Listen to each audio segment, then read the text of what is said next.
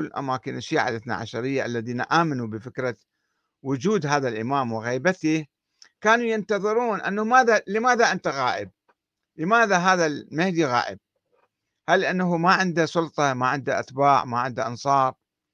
فصارت بعض الجماعات آه، تهيئ هؤلاء الأنصار. مثلا في شخص آه، اسمه حسن الجوري الشيخ حسن الجوري في نيسابور. هذا في أواسط القرن الثامن الهجري. في نيسابور بقايا الدولة المغولية. المغول كانوا بعد صارين يعني هم أسلموا بعدين كما تعرفون وكانوا يحكمون ثم ضعفوا ولم يبقى منهم إلا بعض الرجال هنا وهناك. في في نيسابور الشيخ حسن الجوري كان يخرج جماعة الشيعة إلى الصحراء كل أسبوع كل يوم جمعة ويأتون بفرس وينادون المهدي اظهر أيها المهدي نحن أنصارك نحن أتباعك أنت ليش غايب؟ إذا ما عندك أنصار إحنا أنصارك. فاستمروا مدة طويلة ما في خبر ما أحد استجاب لهم.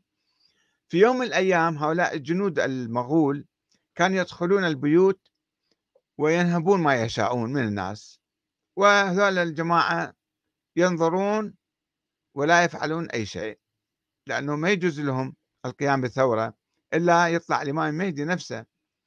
يوم من الأيام جندي من جنود المغول يدخل على بيت الشيخ حسن الجوري. فينهب ما يشاء من البيت ثم تقع عينه على زوجة الشيخ فيستحليها فأراد أن يأخذها. فالشيخ قال له أنت أخذ كل شيء تريد من البيت. أنا ما مانعك بس مرتي ما يصير تأخذها. آه المهم أصر ذاك الجندي فهذا الشيخ قام وقتل الجندي.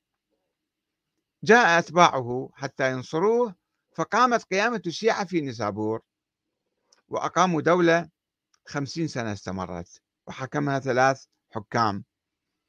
والآن آه، هناك كتاب يدرس في الحوزة اسمه اللمعة الدمشقية. آه، اللمعة الدمشقية هو كتبه الشهيد الأول في سوريا في دمشق إلى ككتاب قانون إلى هذه الدولة. قبيل الدولة الصفوية. الدولة الصفوية كانت دولة أتراك هم أبناء عم العثمانيين. فقال هذا إسماعيل الصفوي قال رأيت الإمام المهدي في مغارة وقال لي أخرج. فخرج وأقام الدولة. وبعد ذلك تطورت يعني هذه كلها يعني مو دول حقيقية الشيعة خلال ألف سنة هذه صار يبحثوا في موضوع الدولة في موضوع الحكم أنه متى ننتظر الإمام؟ متى يخرج هذا الإمام؟ ما هو تكليفنا؟ ما هو واجبنا؟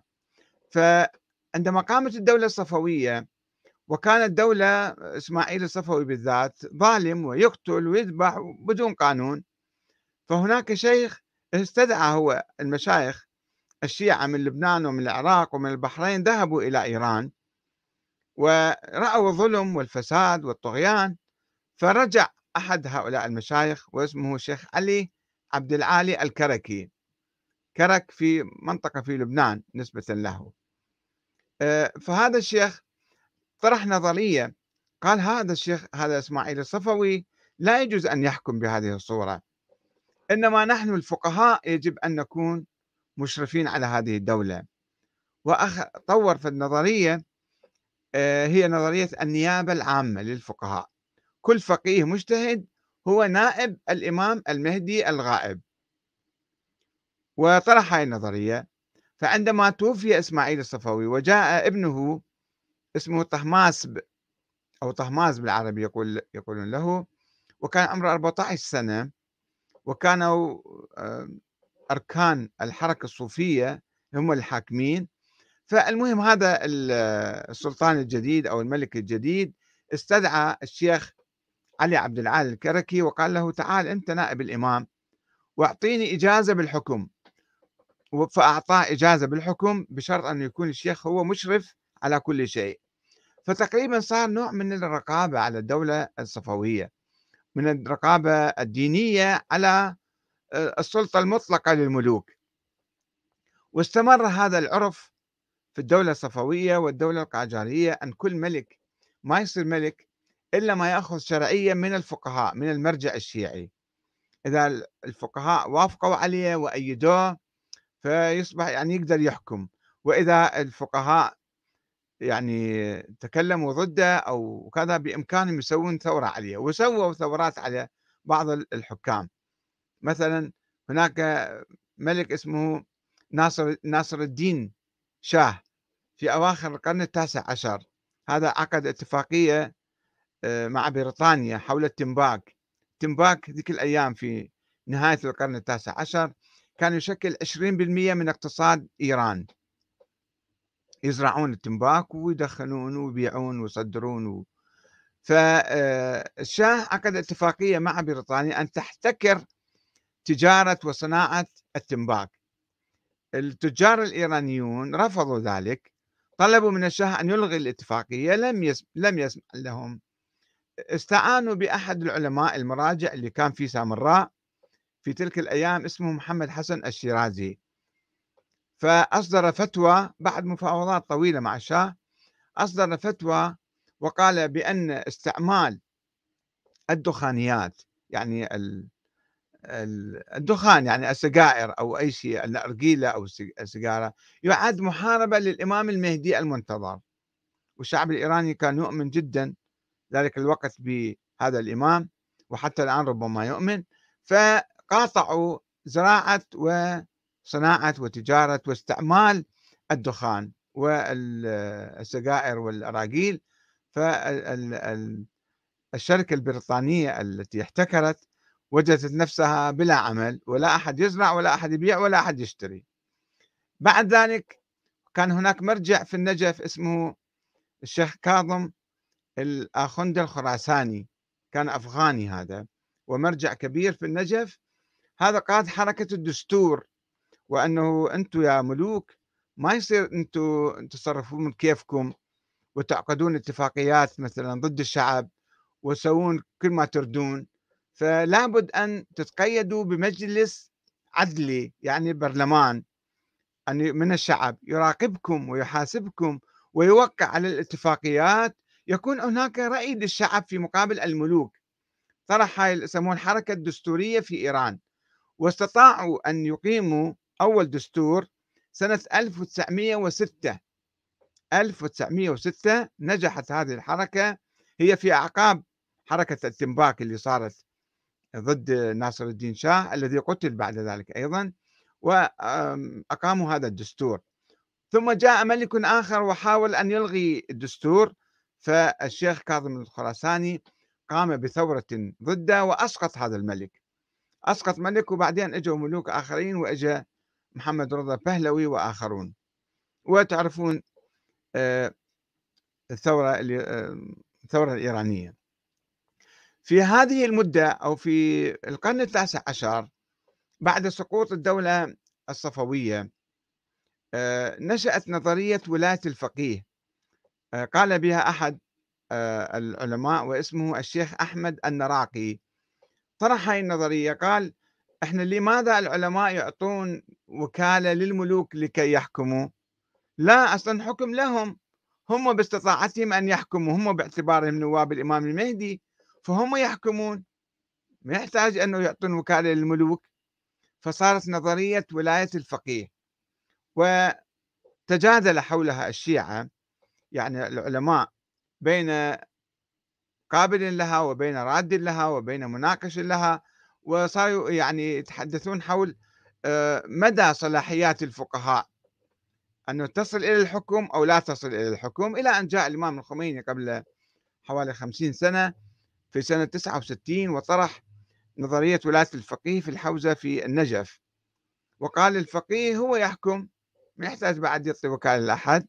وبعد عشر سنوات من ذلك التاريخ كما تعرفون قامت الثورة الإيرانية. وأيضا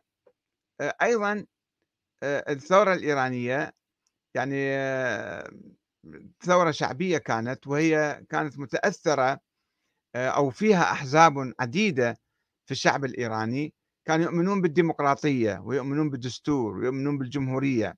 فطرح الإمام الخميني عندما كان في باريس الجمهورية الإسلامية. يعني طور نظرية ولاية الفقيه إلى الجمهورية الإسلامية. أن تكون جمهورية جمهورية بمعنى أنه يكون في هناك انتخابات وبرلمان ودستور فوضعوا بعد ذلك الدستور ووضعوا القوانين وقامت الجمهورية الإسلامية. وقامت أيضا كان في أثناء البحث في الدستور الإيراني كان هناك جدل بين مختلف التيارات. أنه الجمهورية تكون يعني علمانية بالمرة أو يعني مدنية أو تكون تابعة للولي الفقيه والولي الفقيه أو المجتهد أو المرجع يكون هو فوقها. فصار كلام حول صلاحية المرجع. هذا مع وجود الإمام الخميني يعني في أول الثورة أنه الخميني أو المرجع عموما يعني يكون مرشدا ويرجعون له في بعض المسائل ويكون هو مراقب من بعيد أم يكون هو حاكم. فتم في الدستور الإيراني إعطاء آه، تكوين آه، يعني رئيس جمهورية ورئيس وزراء وبرلمان كلهم هؤلاء منتخبون من الشعب آه، وأيضا قيادة القوات المسلحة أعطوها للإمام فصار عنده سلطة عليا على البلد. تطورت بعد ذلك التجارب الشيعية إلى التجربة العراقية. التجربة العراقية المراجع في النجف قالوا لا لم يقولوا بولاية الفقيه رغم أنهم كانوا يؤمنون. يعني السيد السيستاني يؤمن بأنه نائب الإمام يؤمن بأنه هو آه، الحاكم الشرعي يؤمن بأنه هو ولي أمر المسلمين في العالم كلهم مو فقط في العراق. هكذا يعتقد السيد السيستاني. ولكنه تنازل عن هذه النظرية وقبل بالنظام الديمقراطي أنه الحكم بالعراق يشترك به الجميع سنة وشيعة عرب وأكراد وتركمان وكل الناس وينتخبون برلمان والبرلمان ينتخب رئيس جمهورية وينتخب رئيس وزراء بعد ذلك. فصار النظام الديمقراطي هو آه، يعني بعيد عن ولاية الفقيه. هذه ولكن عمليا آه، بقت للمرجع كلمة روحية أو كلمة عليا وتأثير ويعني وحاول الابتعاد كثيرا هو عن التدخل المباشر. ولكن أحيانا مثل عندما جاءت داعش واحتلت مناطق بالعراق هو اضطر لإصدار فتوى الجهاد الكفائي ضد داعش. ولكن عمليا انسحب. شوفوا الآن هو لا يلتقي بأي مسؤول عراقي. أي مسؤول. هذا شيء مفارقة عجيبة. يعني أنتم تشوفون في بعض آه، البلاد اللي هو الشيخ أو المفتي أو أو الشيخ الأزهر مثلا يعني يعني رئيس الجمهورية لو أراد أن يلتقي به أو يستدعيه أو أو يعني أو يغيره أو يشيله أو يحطه المرجع في العراق الآن هو مستقل ماليا لذلك وليس تابعا للحكومة. ورئيس الجمهورية رئيس الوزراء الوزراء يريدون أن أن يقابلوه ويلتقوا معه وهو يرفض ومسكر بابه وما ما مستعد يلتقي بأي واحد. فالمهم هذا كلام كثير فيه. فالفكر الشيعي الذي كان ينتظر الإمام تقريبا تخلى الآن عامة الشيعة سواء في إيران أو في العراق تخلوا عمليا عن نظرية الإمامة الإلهية وعن انتظار الإمام الثاني عشر. ولو بالإعلام يشوفون كثير ما يحتفلون ويقولون ويتحدثون ولكن عمليا الفكر الشيعي الآن يقول أن رئيس الجمهورية أو رئيس الوزراء أو الولي الفقيه حتى القائد لا يشترط فيه أن يكون معصوما معينا من قبل الله من السلالة العلوية الحسينية. أي واحد يمكن يصير رئيس جمهورية أو يصير رئيس وزراء. يكون إما فقيه وإما حتى مو فقيه يكون رجل عادل أو رجل وطني أو رجل مقبول من الشعب. يكفي ذلك. فلا لم يعد الشيعة إمامية اثنى عشرية. تطوروا كثيرا. يعني الأفكار صحيح الاسم والعنوان عليهم لذلك أنا ابتدأت حديثي قلت أنه آه، يجب أن ننظر إلى الأمور كما هي في الواقع وليست كما آه، نحن نتصور أو نحمل من صور عن الآخرين.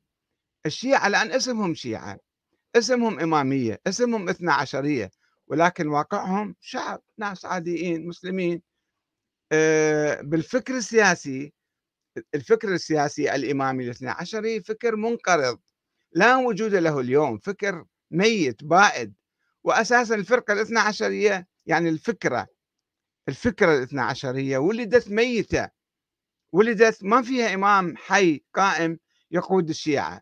فلذلك تطورت نظريات أخرى عديدة ووصلوا اليوم إلى هذا المستوى اللي اللي هم آه، نظرية شعبية ديمقراطية نظرية معقولة عند كل العالم الآن أنه الحاكم ينتخب من الناس ولا يشترط فيه أن يكون آه، معصوما معينا من قبل الله ويجب آه، أن يخضع لإرادة الناس ويغير كل فترة كل أربع سنوات خمس سنوات إذا شافوه نجح في إدارة الدولة يمكن يبقوا لفترة ثانية أو ثالثة.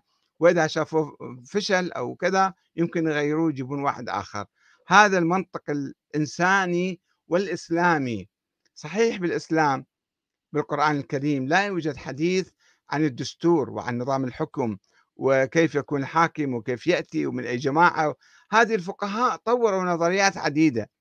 الفقهاء المسلمون عموما سنة وشيعة. آه، بعض قال هم الخلفاء العباسيون البعض قال الخلافة في قريش البعض قال لا الخلافة لكل المسلمين كما الإمام أبو حنيفة أو الإباضية مثلا. وبعض قال الحكم العسكري. والآن تقريبا عامة المسلمين مجمعين على آه، أن الحاكم آه، يكون بمواصفات الكفاءة والعدالة والأمانة وينتخب لفترة معينة ثم يراقب من قبل الأمة ويحاسب من قبلها. وأيضا الأمة تكون عندها قدرة على تغييره. فالأمة هي صاحبة السلطة. كما كتب ذلك آه، الماوردي والجويني علماء قبل ألف سنة من أهل السنة من الأشاعرة آه، من المعتزلة. كانوا يقولون الأئمة يعني الخلفاء أو الحكام وكما قال أبو بكر رضي الله عنه في أول يوم أنه يعني هو قال المسلمون ولوني مو هو تولى عليهم غصبا عنهم. فهذه النظرية الشورى التي طبقها الخلفاء الراشدون كانوا يعتقدون أنهم هم ممثلي الأمة ونواب الأمة والأمة هي التي توليهم. الأمة بأي صورة يعني كان الدستور طبعا ذيك أيام بعد في أول أوله لم يتبلور كثيرا. الآن الفكر الديمقراطي هو تعبير عن الشورى. هو تطوير لنظرية الشورى في ظل الإسلام طبعا. إحنا كلنا مسلمين نؤمن بالإسلام وبثوابت الإسلام ولكن في موضوع الحكم لا يوجد نص واضح وصريح لا من القرآن الكريم ولا من النبي الأكرم.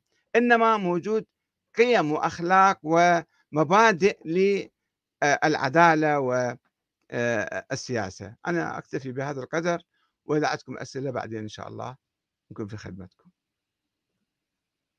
آه، بارك الله فيك أستاذ أحمد. آه،